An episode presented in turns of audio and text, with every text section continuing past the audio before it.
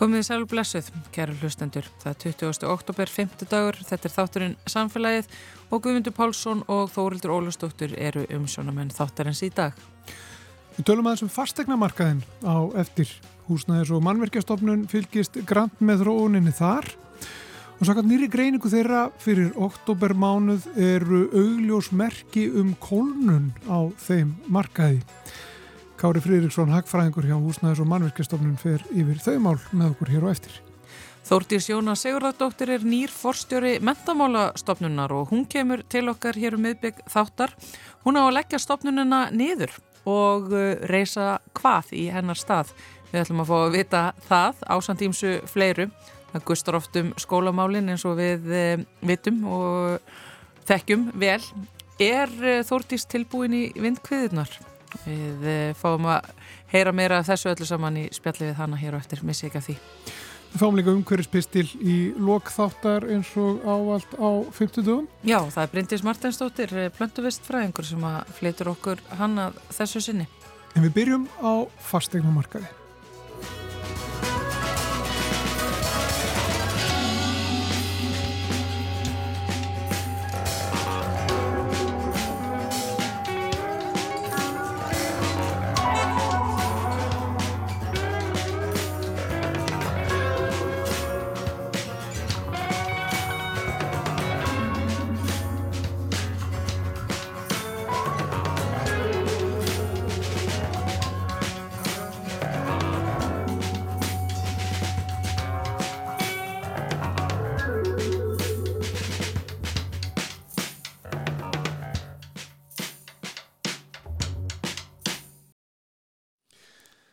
Að tala aðeins um húsnæðismarkaðin og um, þróun hans, ef við getum orðað sem svo.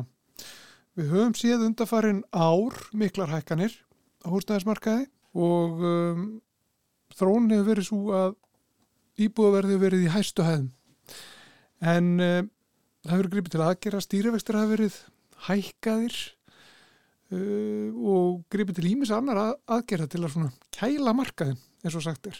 Og það hafi verið vísbendingar um það undanfarið að markaðurinn sé að kólna og núna í síðasta mánadar yfirliti húsnæðis og mannverkjastofnunar þá eh, já, kemur ljós að það eru augljósmerki um, um kólnun þessa markaðar. Hann er sestur hérna hjá mér Kári Frýrksson sem er hagfræðingur hjá húsnæðis og mannverkjastofnun. Verður velkominn til okkar.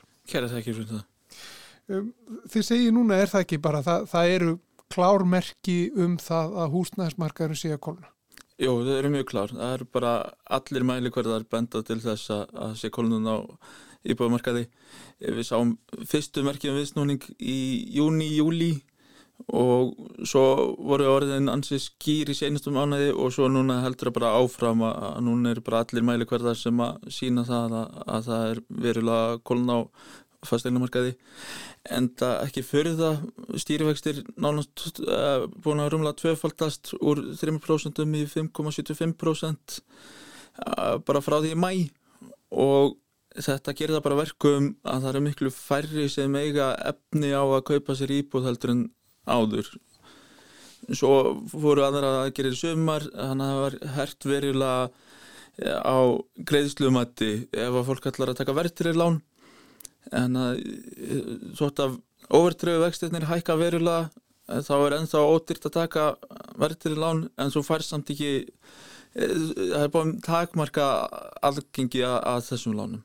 Þannig að núna er bara sjáum við það með skýrum hætti að það er farið að hafa verulega áhrif á, á íbúðamarkaðin Já, getur þú farað að sé vera með okkur bara hvernig það leit út bara þegar allt var í hæstu hæðum? Hvernig hverjar aðstæðanar voru á markaðnum, hvernig frambóð á lánum var, hvernig vextinnir voru og svo framhengis. Getur þú aðeins farið yfir þetta hvert er, svona, hvert er umhverfið sem verður til þess að, að uh, húsdæðsmarkaðurinn í og að segja fyrir böndunum?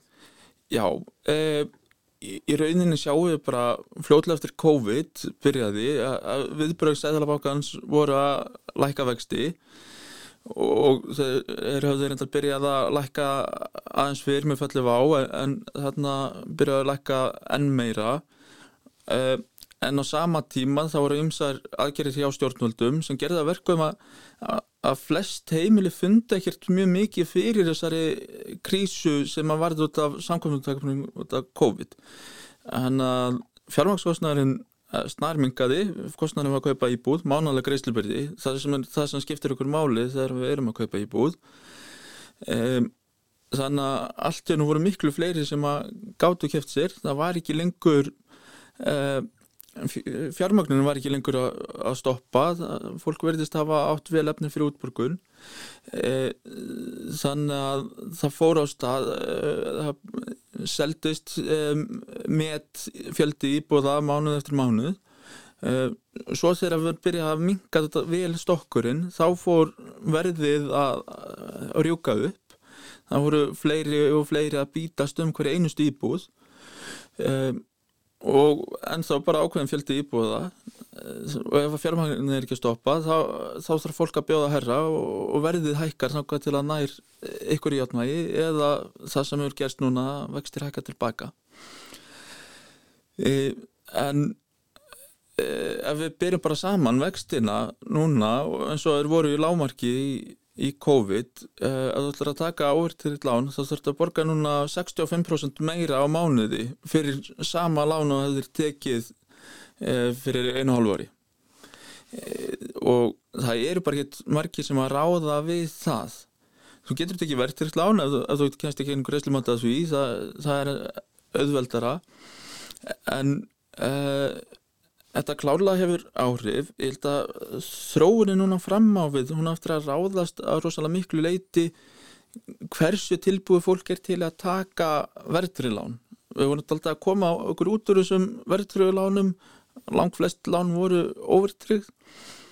Uh, ef við sjáum að verðtrilánin er að aukast aftur um vinsaldum og ég held að það er eftir að ráða mestu um framtíðina. Hvort að við munum sjá íbáverst lækanir eða hvort að verði bara eins og íbýst frekar við bara mjög hóflegar hækanir eða bara að þetta verði frekar flatt íbáverðið Já. Um, Þessi verðtriðu lán sem að fólk virðist vera þá að leiti aftur eða hvað, Já. það eru vísbyttingur um það. Nú, nú er sko verðtrygging er, er hugdag sem að mörgum finnst bara, bara bannorð og, og margir eru á móti þessari, þessari aðferð eh, til þess að, að, að þegar að peningar eru lánaðir að, að móti þeirri aðferð að nota verðtrygginguna til þess að já, tryggja það að það fáist rétt greiðsla tilbaka á, á þeim peningu sem eru, eru lánaðir hver er ykkar afstæða til verðtringar og þín, verðandi hagfræðingur í þessum bransa? Já, mín persónulega er svo að e, allavega eins og markaðinni núna að þú hefur tökka að taka ofurtert lán og ja, ræður vel við e, greiðslubyrðinans við, þá er það hagfæðmara eins og er. En það er alltaf misjátt eftir tímabilum hvort er hagfæðmara og mér finnst þetta alltaf hafa fengið á sig aðeins ofslemt orð ef að það að taka eh, verðtrykt lán verður til þess að kennst inn á fasteinamarkaðin það getur verið að koma betur út fyrir fjárhagslega því að eh, þá áttu íbúð sem að verðmætunar er að aukast. Um, getur, eða þá getur farið í dýrar íbúð og margir notið þetta líka sem svona ákveðna brú núna fjármagna íbúðakaup með verðtrykt lánum. Svo færaðu sig yfir í annarkvært blöndu eða meira yfir í overtrykt lán Eh, bara eftir í hvernig fjárhæðunum breytist. Oh. en uh, í prinsipinu er ekkert óðililegt að, taka verðtir í lán bara grundvallar atriði að fólk átti sig á eiginleikunum hvað það er að fara út í. Og svo er uh, peningastandan virkar miklu betur þegar að fólk er með óvertilega lán. En svo sér núna við erum með svo mikið óvertilega lánum. E, cirka 27% af öllu lánum eru óvertrið á breytilegum vöxtum sem þýðir að greiðslubörði þeirra sem eru með þessi lán þau eru að rjúku upp. Þannig að heimilin þurfa að halda sér höndunum í öðru sem er það sem er tilkakur með peningastöndunni þannig að það verður kannski til þess að stýrifækstir þurfi ekki að hækka jafn mikið út af því að hvað verðtrykkingin er eða svo stóvertir lánir orðum vinsæl oh. en heilt yfir þá fer þetta eftir stöðu hvers og einst einstaklings. Það er alls ekki þannig að enginn er að taka í lán. Í mörgum tilfellum eru bara mjög góð fyrir fólk. Er, eru, er markaðurinn líka að breytast þannig að fólk uh, bregst meira við markaðunum? Að það, það endur fjármagnar eftir í hvernig ástandið er á, á markaðu og er þá þetta já, búastu því að fólk taki núna verðtriðlán og svo þegar að aðstæðu breytast, vextir lækka kannski eða eitthvað slíkt að þá fari fólki endurfjörnuna? Já, ég held að það sé bara mjög líklegt að við munum sjá það meir og meir og ég held að stæsta breytikinn sem hefur verið er að það er bara miklu auðveldra fyrir neytanda núna heldur en áður að umbreyta það fylgir ekki sem er kostnaður. Það er ekki lengur stimpilgjöld á lánum e, hérna og bankarnir og, og þessar lánastofnarnir það er með ekki lengur uh, rukka lántökugjald í, í hlutvalli við lánaupphæð Þannig að játnulega það kostar eitthvað að tíu þúsund kalla að umbreyta þá getur það marg borga sig fyrir fólk uh, að annarkvæmt læka uh, vakstakostnaði sinn eða læka greiðslupurðina með því að umbreyta. Þetta er í rauninni eitthvað sem var bara ekki hægt á árum áður. Það var líka bara, það var miklu minna í bóði, það voru bara þessir hérna, verðriðu vextir sem voru fastir út lánstíman e, það voru bara bankarnir í þessu e, þannig að fólk tók lán og hugsa ekkert um það meir en núna borgar sig að svona einstaklega af og til að skoða lánamánlinn sín og aðtöga hvort það geti borgað sig að færa sig að vera endurfjörmugna með öðrum hætti. Getur aðeins farið yfir bara hvernig þessi kólnun á markaði sem að þið takið eftir núna hjá húsnæðars og mannverkjastofnun hvernig þessi kólnun byrtist eh, það, það er þannig er það ekki núna að eh, já það var þannig að íbúður voru fara til dæmis ofta á yfirverði. Já, það var fór allt upp í eh, á, á tímabili fór 70% af íbúðum í fjölbúli yfir ásönduverði í eðlilegu árferði er það kannski 10-15% yfirleitt er ásættu verð stilt þannig að að flestir bjóðu undir. Þannig að þetta ég veit ekki til þess að þetta hefur gerst áður að, að það hefur verið svona hátt full líbáð sem fór yfirverði. Og játnvel fór 35% íbúða meira en 5% yfir ásættuverði þannig að það var ekki, fólk var ekki að bjóða bara ölliti yfir ásættu, það var að eh, bjóða vel yfir ásættuverði þannig að þetta hlutvall er að dragast mjög hægt saman. Svo erum við að sjá eh, miklu meiri stöðuleika í verði ef við horfum bara verð örfa á mánu eftir í tíman eh, þryggja manna hækkun vísitölu íbúðavers er núna 1,5% í mæ var það 9,1% þannig að það er að hæja verulega á þessum verðhækkunum. Það verður að vera með það fyrirvera að það geta verið alltaf sveiblur millir mánada en, en það bendir allt til þess að þessi viðsnúningur sé langt af eitthvað komin mm. svo erum við líka að sjá að íbúður eru lengur að seljast um, og já, það er bara einhvern veginn svona allir vísar benda til þess að þetta er að hafa áhrif já. En hvernig er með frambóð á, á nýjum íbúðum þá? Það, þetta er eitthvað sem við mikið talað um, að það vanti mikið af íbúðurhúsnaði og, og bara tölvert mikið og miklu meira einhvern veginn heldur en eh, virðist vera hægt að, að byggja Já, ég held að við séum að sigla inn í aðeins meiri stöðuleika í frambóði, það er alltaf svona mín von og, og, og svona nýjusta spá okkar gefur til kynna að að næstu eh, tveimur árum verðum 3000 til 3200 nýjar íbúðir á, á markað ári sem er bara mjög fínt í, í sömugulegu samhengi. E, en ég held e, það má samt ekki kenna skort á nýjum íbúðum á þessu ástandi sem var á fastegnamarkaði það hefur miklu meira með eftirspurnina að gera. Játnuðilega að það hefur komið út 5.000 íbúður ári það var eftirspurnin bara slík að það hefði farið um leið. Þannig að það er svona skamtíma sveiblur e, sem eru þar áhrifum meiri. En, en svona þegar við horfum nokkur áfram í tíman þá er mjög mikilvægt að sé byggt nóg. Eh, en við sjáum það núna að við skoðum frambóð íbúða til sölu hversu margar íbúður eru verið að selja okkur núna eh, það eru, eru þrefalt fleiri íbúður á höfuborgarsæðinu nú til sölu heldur ef við vorum í februar og uh, þeim er búin að fjölga um 89% bara frá því lókjúli, 29. júli uh, sem er alls ekki langur tími og það er í rauninni að uh, fjölga bara eiginlega ótrúlega hrætt að maður horfur þetta í, í samhengi við hérna, fjöldakaupsamninga mánuði að frambóðið er að aukast á mánuði næstuðum sem nefnir um mánuðan sölu. Þú fórst aðeins yfir það áðan hvernig, hvernig þú segir þrónuna til framtíðar eða aðeins að nikja á því sko. það, er, það, er, það er ekki líklegt að fastegna verður reynilega bara lækki bóstala eða hvað það er ekki mjög líklegt, það gæti gerist en ef það gerist þá er það bara tímabundið. Og það er eitthvað sem að heimilið svo alveg smá eh, lækun tímabundið að því að það er búið að vera svo mikil hækkun. En þegar við horfum nokkur ár fram í tíman það er alveg klart mál að íbáverða á bara eftir að halda fram að hækka. Og þetta er bara mjög hóflegri hætti eldur en hefur verið. Hvað þýrst að gerast til þess að það myndi bara reynilega að lækka? Hvað, hvaða aðstæður kæmu upp Eh, sem myndu vera til þess að íbúðverð myndu bara lækka og kannski eh, já, leiðrétta sig ef maður getur sagt það meða við þessa miklu hækkun sem eru orðið og sem er kannski úr takti við eh, aðrar, já, aðra þróun í efnarslífuna eða hvað?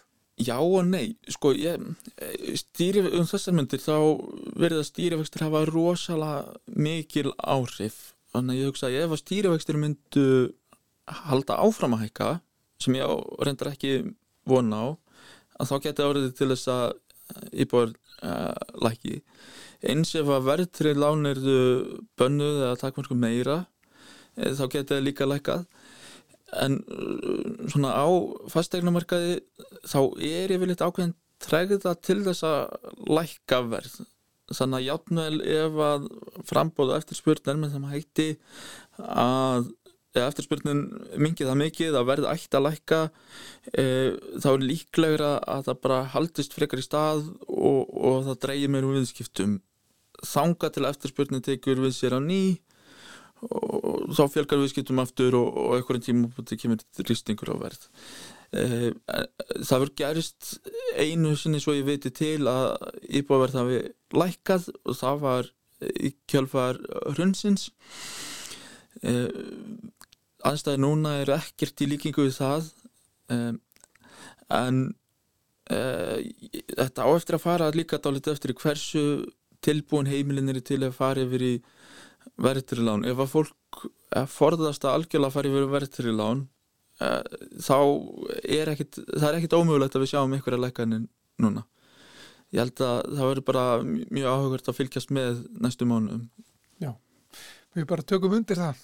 Uh, Kári Friðriksson, hagfræðingur hjá Húsnæðis og mannverkjastofnun. Gaman að fá því heimsótt. Takk fyrir fælið. Kæri þekkir fyrir mig.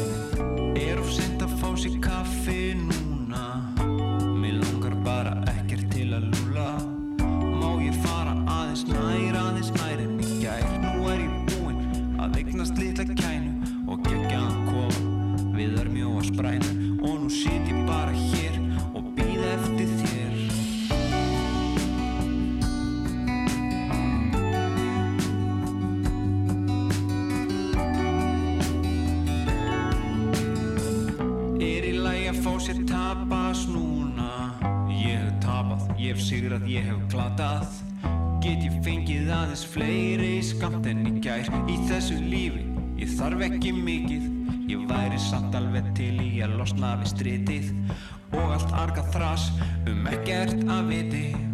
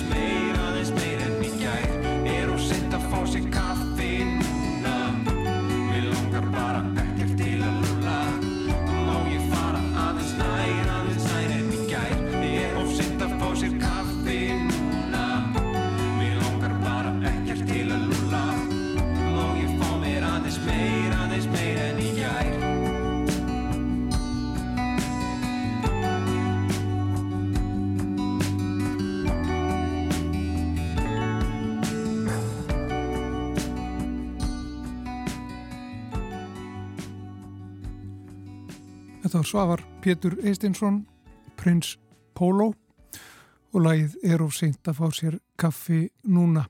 En útför hans fer fram í dag klukkan þrjú. En áfram með samfélagið. Hjá mér er sest Þórdís Jóna Sigurðardóttir. Hún er nýr forstjóri mentamálastofnunar. Sælvertu. Já, sælu blessuð. Til hamingjum með starfið uh, yfir þessari stopnun sem að þitt fyrsta verk verður að leggja niður. Já, takk kærlega fyrir hamingjóskinnar. Já, það sem sagt, sko, hugmyndin er að stopnunin verður lög niður, en það er í höndum alþingis. Þannig að núna er bara áformabrjöf og í framhaldinu verða sett lög sem fer síðan þetta fyrir alþingi og sem ákveður þá endarlega að leggja stopnuna niður og að stopna nýja stopnun. En það verður líklega ekki sko fyrir einhvern tíman á næsta ári. Og það sem er þetta áhugavert við þessa nálgun er þetta að það verður kalla til mjög mikil samstar, samráð, samtals við alla hagaðilega um það hvert sko hlutverk, eðli og umfang nýra stopnunar eigi að vera. Mm. Þannig að það er ekki hugsað þannig að komi ykkur bara fullmótu stopnu sem að sé nú loksins búin að fatta hvernig það gera alla hluti. Heldur á þetta að gerast í þessu nána samtali og samstarfi. Hvað var vandamálið með mentamálastofnun sem er þá að verða gamla mentamálastofnun? Já, nú er ég þetta svo heppin að ég kem ný, þannig að, hérna, að þetta eru áfón sem að ráð þeirra er að kynna. Uh, eins, og, eins og ég hef skilið það, þá er sagt, hluti af hlutverki mentamálastofnun núna er sagt, stjórnsýslustofnun og það verður svona kannski veldig erfitt að vera bæði að þjónusta ráðgjafa og síðan í eftirliti. Þannig að einhver leiti, já, vant vantar síðan algjörlega þá þessa skóla þjónustu og það má kannski horfa alveg aftur til sko, þess tíma að ríkið ákveður að skólanir fari til sveitafélagana. Já. Að þá er þessi þjónusta í raun og veru lögð af og bara hugsaða hvert og eitt sveitafélag eigi að sinna þessu Og svo eins og við vitum, þú veist, skólaþróun er uh, ákveðinleiti dýr í einhverju samhengi, þannig að sveitafélagin hafi ekki haft burði til þess að fara í ákveðina þróun og hefur ekki verið á hendi einhvern veginn ráðunetti sem ekki mentamálastofnunar, þannig að, já, þannig að þetta er búið að kalla eftir þessu í mjög langan tíma að það verði meiri stuðningur ráðgjöf og þjónusta við kennara, við skólasamfélagið og eins og við þekkjum, þú veist, hlutverk kennara í dag er orðið gríðala flóki. Það er mjög Já. margt sem er komið inn í skólastofuna sem var ekki áður og það hefur ekki fyllt með stöðningurinn. Eins og kennarar hafa ítrekkað mjög mikið benda og í því samingi þá verður nú ekki annað sagt heldur en að það hefur gustað mjög mikið um mentamálastofnun uh, eiginlega bara alla tíð og bæði innan og utan hennar. Það hafa verið uh, ónæja með stjórnun og starfsmannamál þarna innan hús og síðan náttúrulega hafa ímsar framkvæmdir og verk sem eru innan þess sem að mentamálastofnun á að sinna sem að hafa klúðrast eins og til dæmis PISA-prófin og samrænduprófin þannig að það er einhvern veginn svona tilfinningin fyrir því að það hafi aldrei verið neitt frábært. Mm -hmm. Með Já. og í mentamálastofnun. einmitt og ég kemur þetta svo sem að þessu bara horfandi á þetta utanfrá og uh, já, þa það eru hérna nokkur atriði sem að svona maður velti fyrir sér en uh, ég held að við ættum að horfa á nýtt uppaf Mm. og uh, í þessu samtali uh, sem við ætlum að taka núna við uh, hagaðila og bjóða til samstarfsins að uh, þá munum við sannlega vera með þetta líka auðvitað uh, sem ákveðna reynslu sem við ætlum að svo sannlega ekki að endur taka. Talandum uh, samtal við hag aðila, það er nú annað, samtali sko innan, innan skólakerfisins. Hvernig gengur það? Við erum að sjá til dæmis núna varðandi hraðfimiprófin að það eru nú alveg ímsar deildir mm -hmm. sem að hafa uh, svona raða sér í fylkingar eh, nánast. Þetta er ekki beinlinis einhver heild sem að marserar samræmt eftir einhverju einu lægi sem er kannski allt í lægi og gott en það eru heilmikil átök innan skólakerfisins. Þannig að sko samtal við hag aðila vil ekki allir fara í hver áttina. Einmitt. Sko, mér langar til að eh, trúa því að það hafi skort á þetta samtal.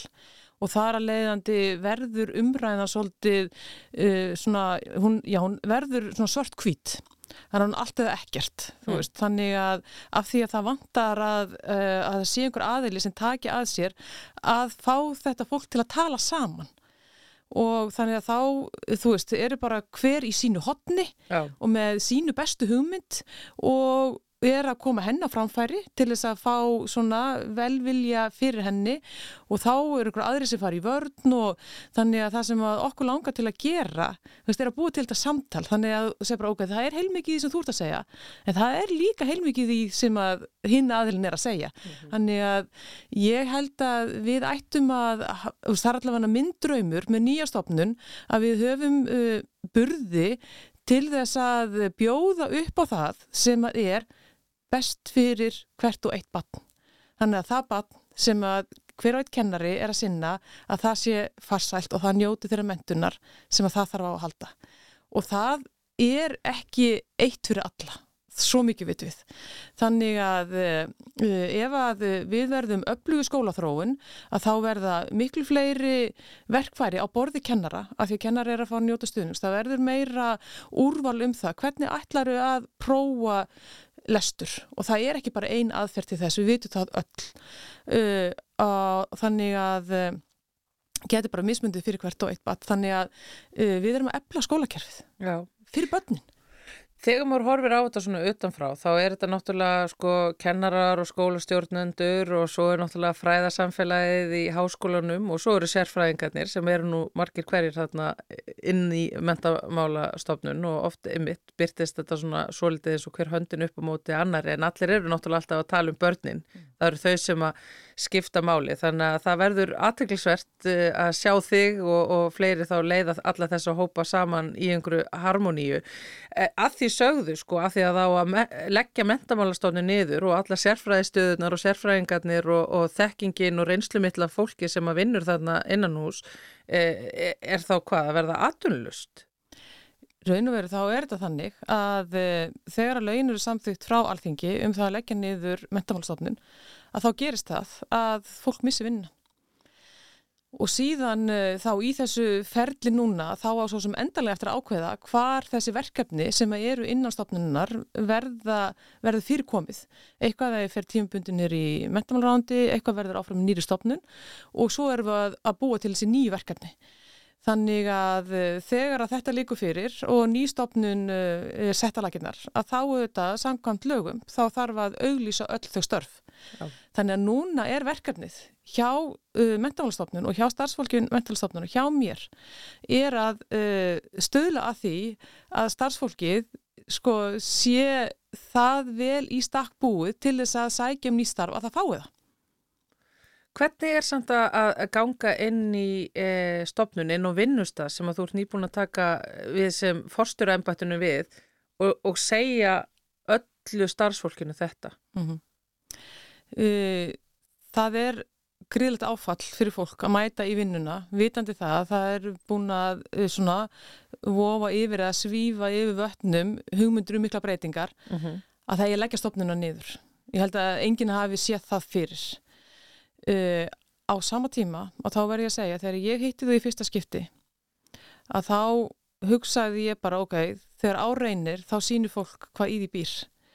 Og það sem að fólki deildi með mér á þeim tíma, að það sýnir auðvita þau, þann mikla mannuð sem býr í þessari stopnun. Mm -hmm.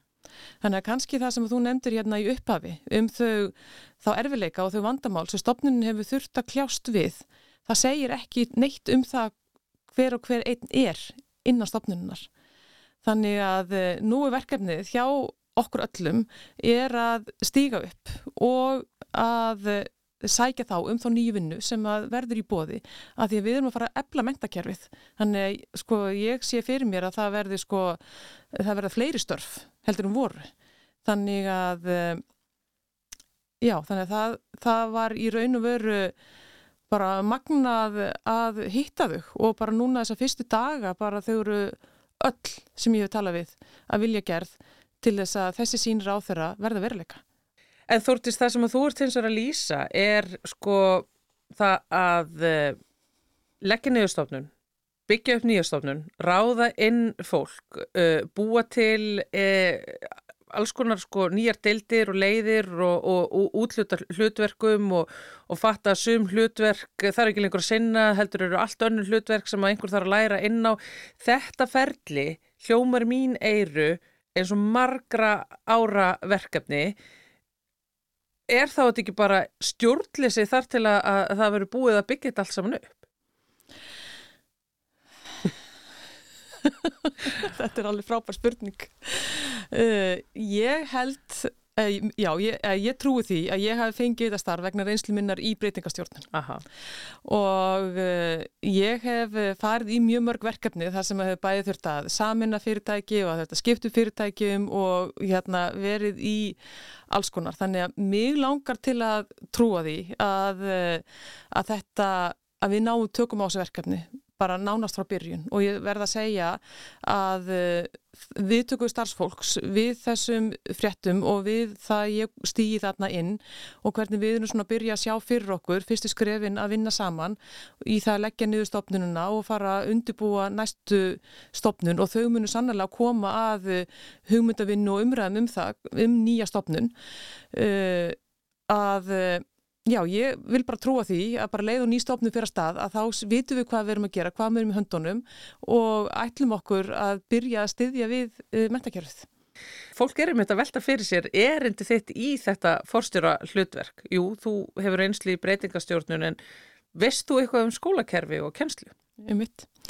Uh, sko hjarta mitt hefur alltaf slegið með mentakerfinu. Ég hef þetta byrjað að kenna sko áður en ég kláraði uh, bíagráðuna mína í, í stjórnmálafræðinni og hérna var að kenna þá í háskólanum, var að dæma tímakennari og síðan fór ég að kenna aðferðafræði, uh, síðan var ég skipu lektor í háskólanum í Reykjavík, þannig ég kom að uh, bæði það var að kenna en ég kom líka að uh, svona stopnun MBA-námsins í þeirri mynd sem við sjáum í dag, svona stjórnundanámsins og kent gríðarlega mikið inn í, í stjórnundaskólanum, inn í fyrirtækjum og líka í háskólanum. Var ný, bara ný núna nýlega að klára að kenna í mestranáminu á bifröst, leiðtóafræði og persónulega þroski. Þannig ég hef mikla, kjenslu, mikla reynslu af því að kenna og vera kennari og að móta námslínur og námskeið.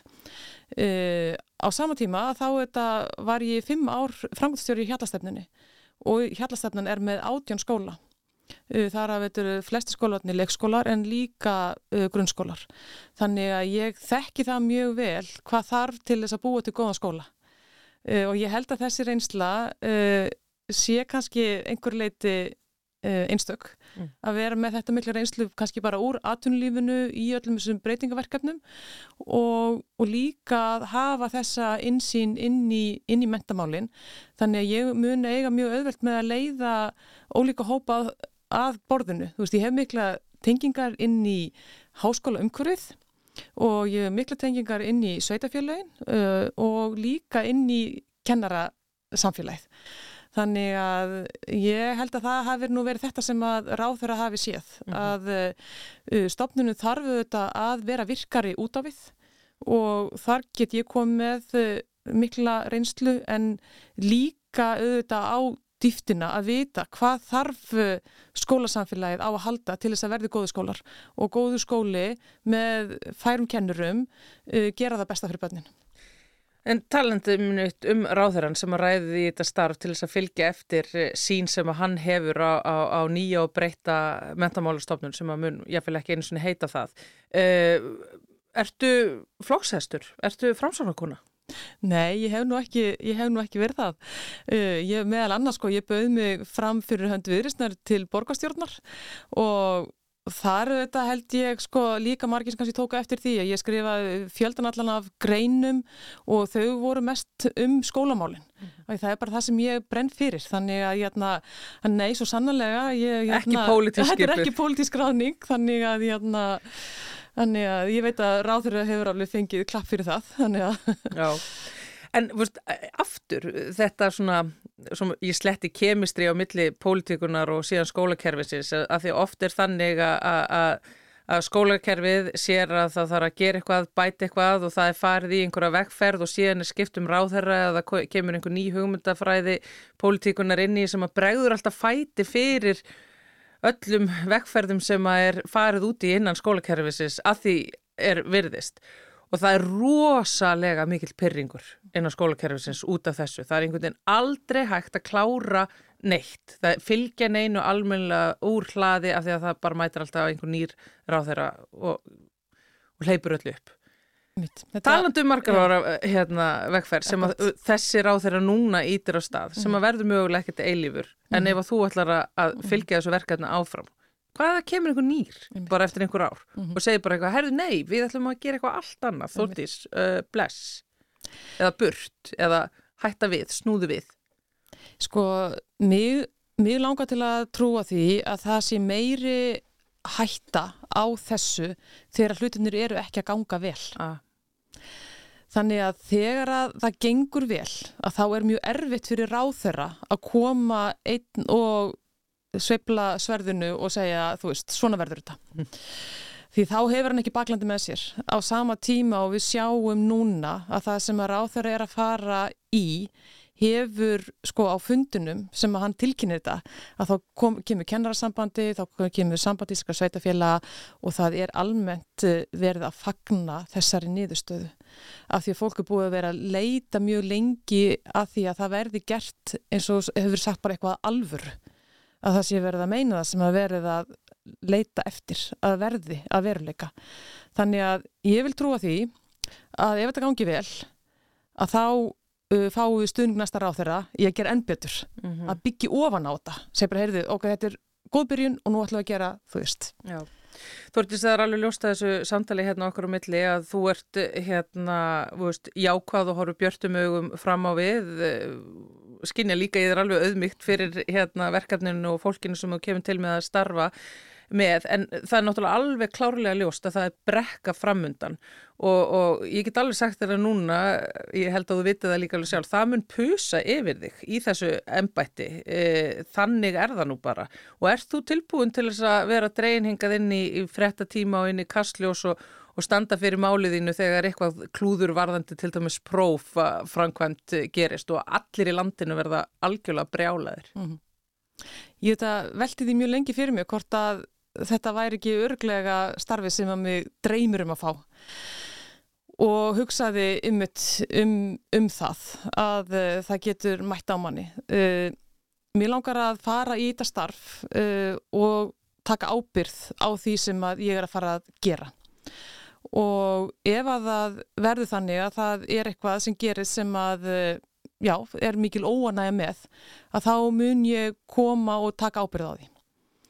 Og ég held að ef maður gerir það að þá er auðveldara að koma og tala um það. Heldur en ef að það er endalust vörn að fólk eigi nú að skilja hitt og þetta. Heldur að uh, ok, tala þá um það hvað fór úrskiðis uh, af hverju gerist það og hvað munum við gera til þess að reyna þá að bæta það. Og taka þetta bara samtal.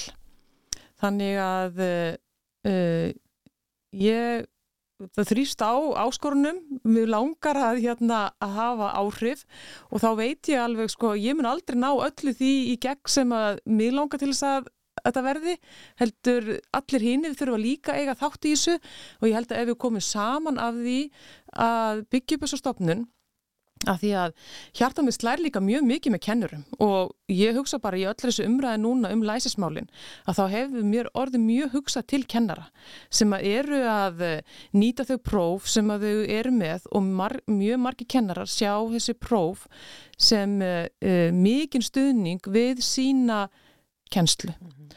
uh, það er ekki þar með sagt þessi prósju ekki að gaggrina þau en ég ætla nú ekki að fara út í það í einhverju, einhverju dítil í núna vegna þess að ég nútti bara svo nýkomin inn í þetta uh, eitt af því er kannski þú veist viðminn sem að prófun er að setja þú veist, ég held að sé að taka samtal um margar hluti uh, þannig að við lærum af því, þannig að við séum að nýta þetta uh, á þann hátt að þetta nýti sér flestum en kannski bara erum við aldrei að fara að hugsa um það að nýtist öllum veist, kannski þurfum við eitthvað fleiri próf, öðruvísi próf, þannig að hérna, við erum bara á þeim stað núna sem er þetta bara svona, vá, það er svo mikið gjöf. Þú veist, að bara geta að fara að tala saman og við ætlum að taka þetta áfram. Þú veist, það gerir mentakerfi betra og líka standa með kennurum sem eru alla daga að gera sitt besta.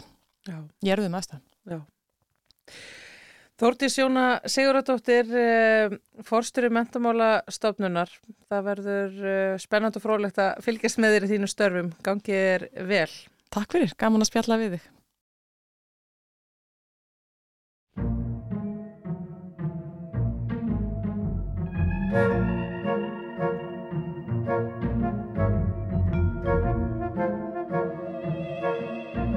Þetta er náttúrulega stefið af ruslarappinu. Ruslarappið er farið af stað hér í samfélaginu og það er Eirikur Örd Þorstensson, sérfræðingur í fræðslu og miðlun hjá Sorpu sem er sestur hjá okkur til þess að svara spurningunum um hvernig maður á að flokka sellofan.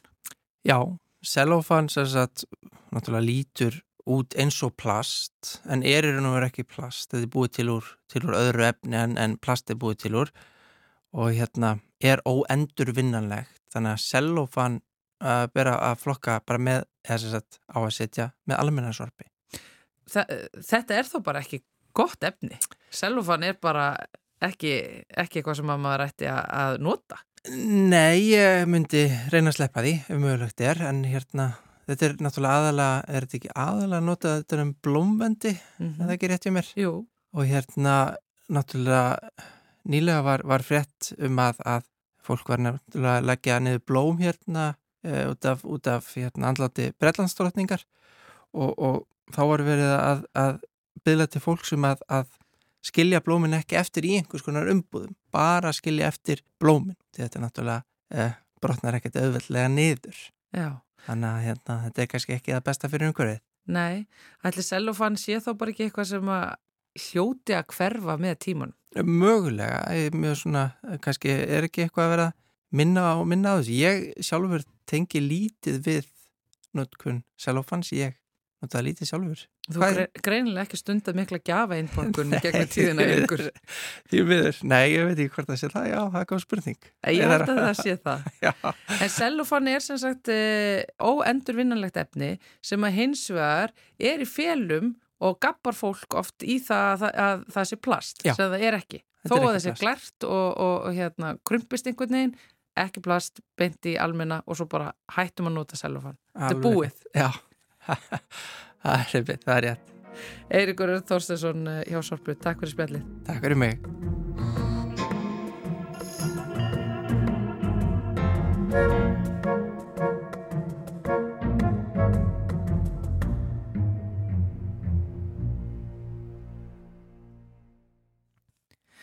ruslarabbiða baki og uh, þá er komið að föstum lið hér í samfélaginu sem er umhverfispistillin sem Bryndís Martensdóttir uh, flyttur að þessu sinni.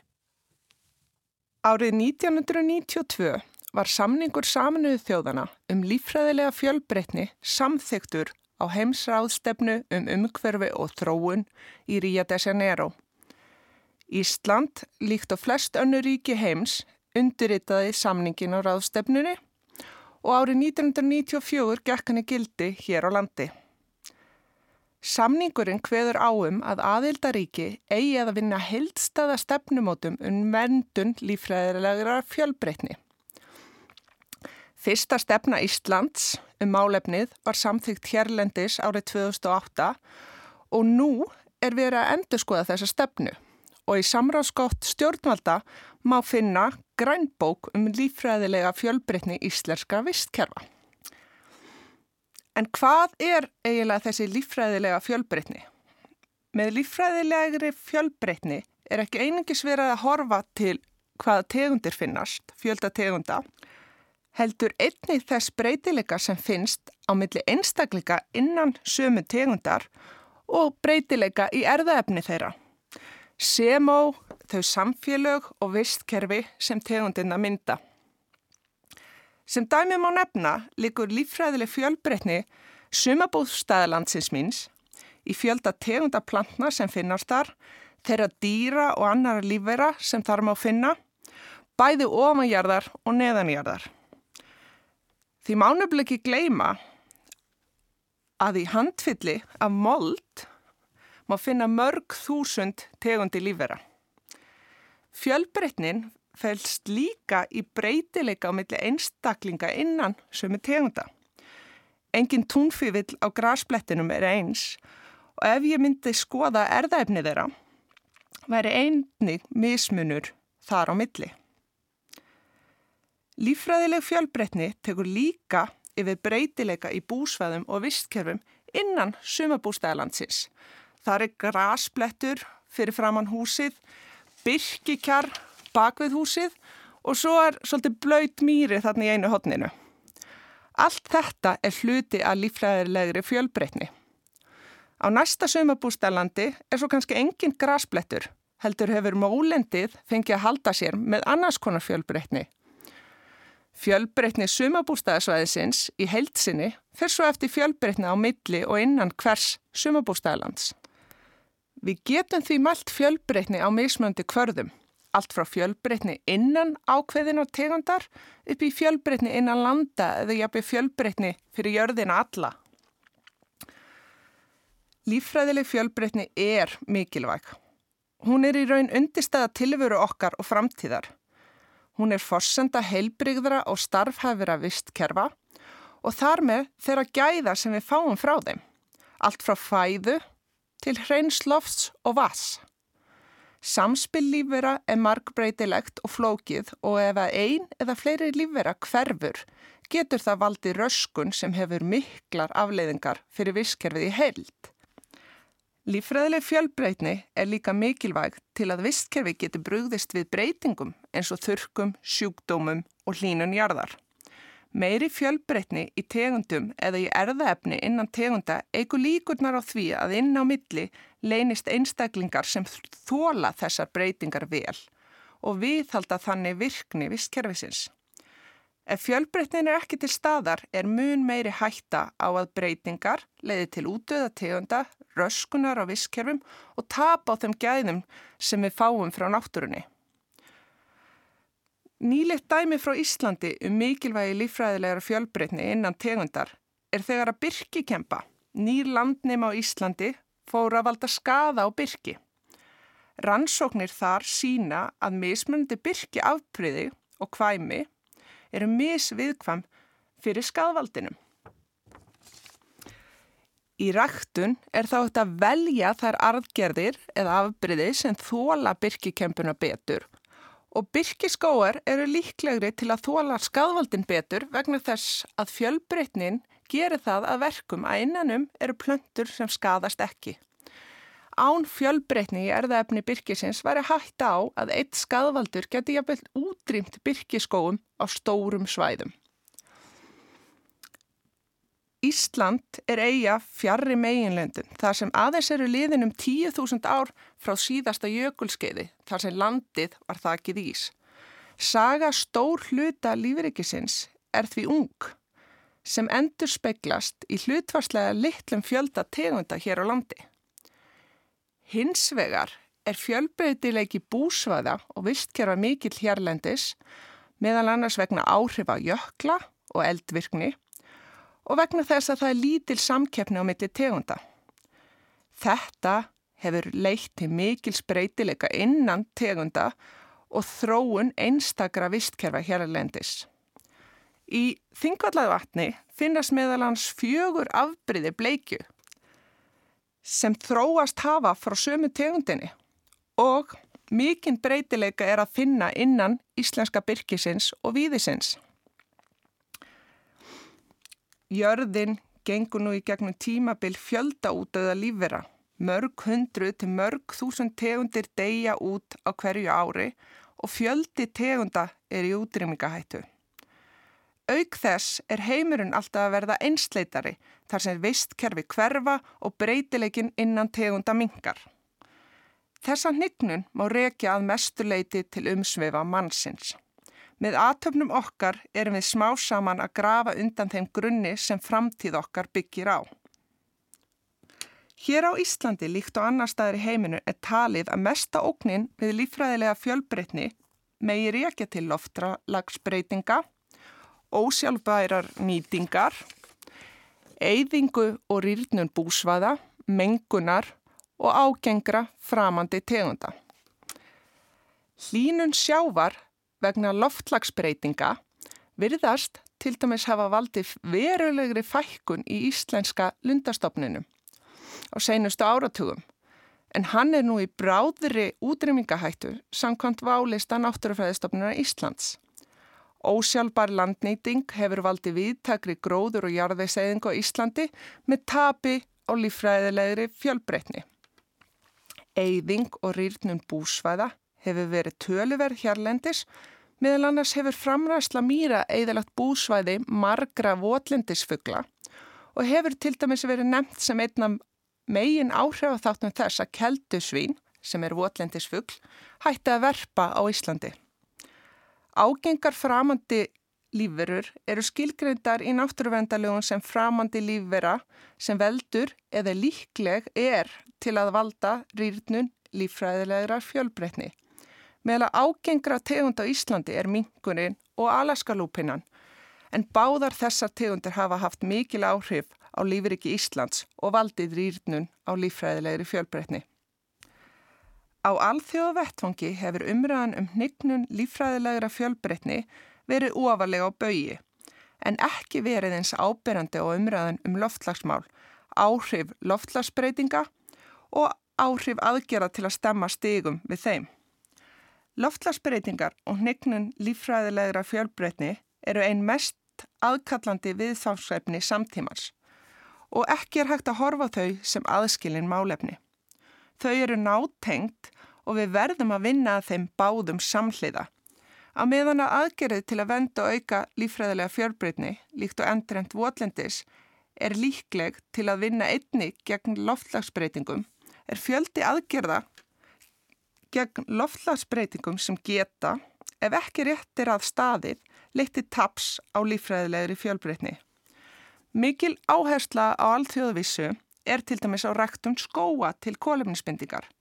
En bent hefur verið á að það þurfa að standa rétt að það ræktuninni til hún valdi ekki hnignun á lífræðilegri fjölbreytni. Ef tegundaríkt mólendi sem er búsvæði fjölda fugglategunda eru látin víkja fyrir einsleitum ræktuðum skógi erum við líklegast að binda kólefni þegar hortið til lengri tíma en að sama skapi erum við að tapa mikilli lífræðilegri fjölbreytni. Miklu vanlegra er að vinna þessum markmiðum samhliða og til dæmis velja önnur svæði til skórektar í nafni kólefinsbindingar. Því ber að fagna að stjórnveld séð að setja nýja stefnu um vendun lífræðilegra fjölbreytni hérlendis og vonandi mun svo stefna leiða til jákvæðara breytinga í samfélaginu. Því eins og ég sagði hér að framann er lífræðileg fjölbreytni undirstæða tilveru okkar og framtíðar. Það því mjög brínt að venda hana. Eiginlega alveg nöðsynlegt. Saði Bryndís Martinsdóttir í umhverfis pisli sínum hér í samfélaginu og slær með honum uh, botnin í þáttin.